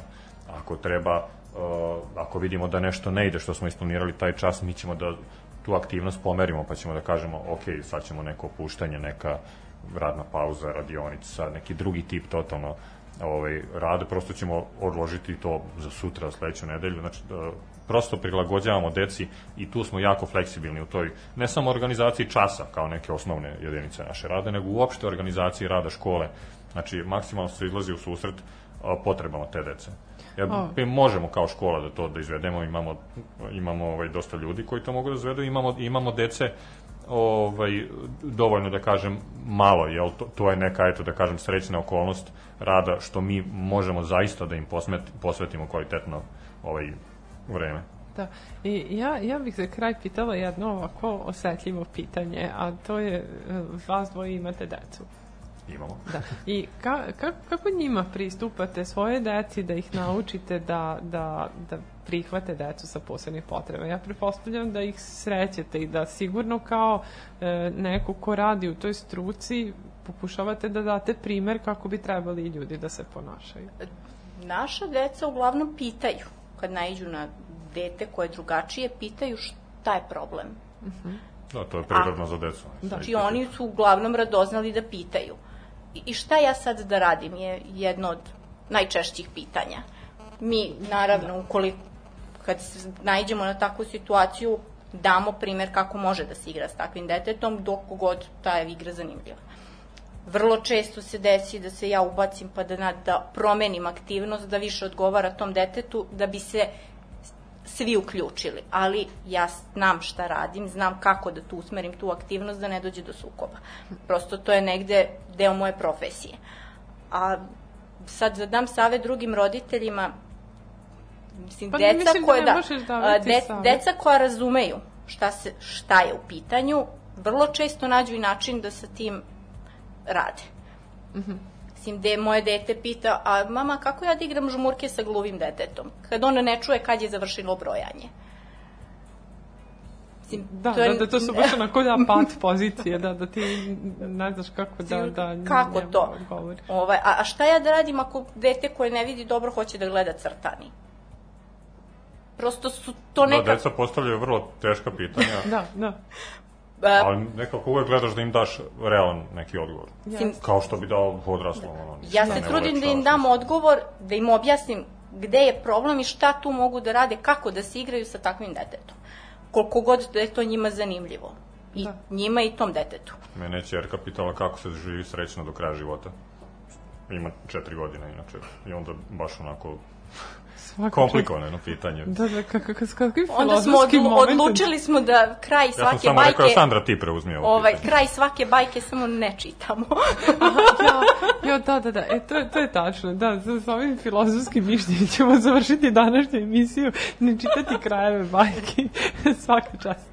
I svaka čast vama dvoma na svemu što radite, jedan stvarno uh, veoma odgovoran i on, Human požrtvovan posao i div, div, Hvala. divni ste u, Da. u Hvala radu. ste nas ugostili. Puno.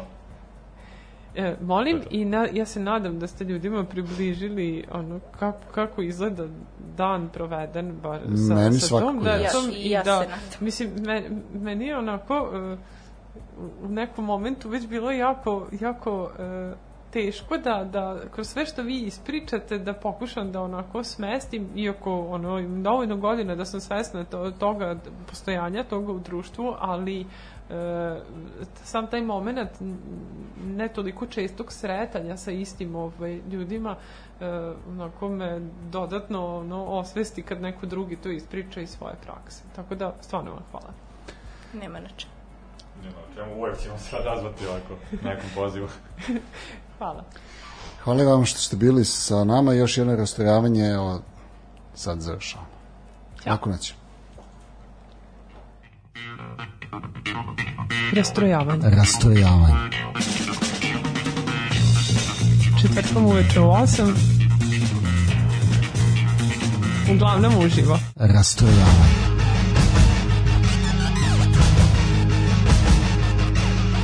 U 8 sati. Rastrojavanje.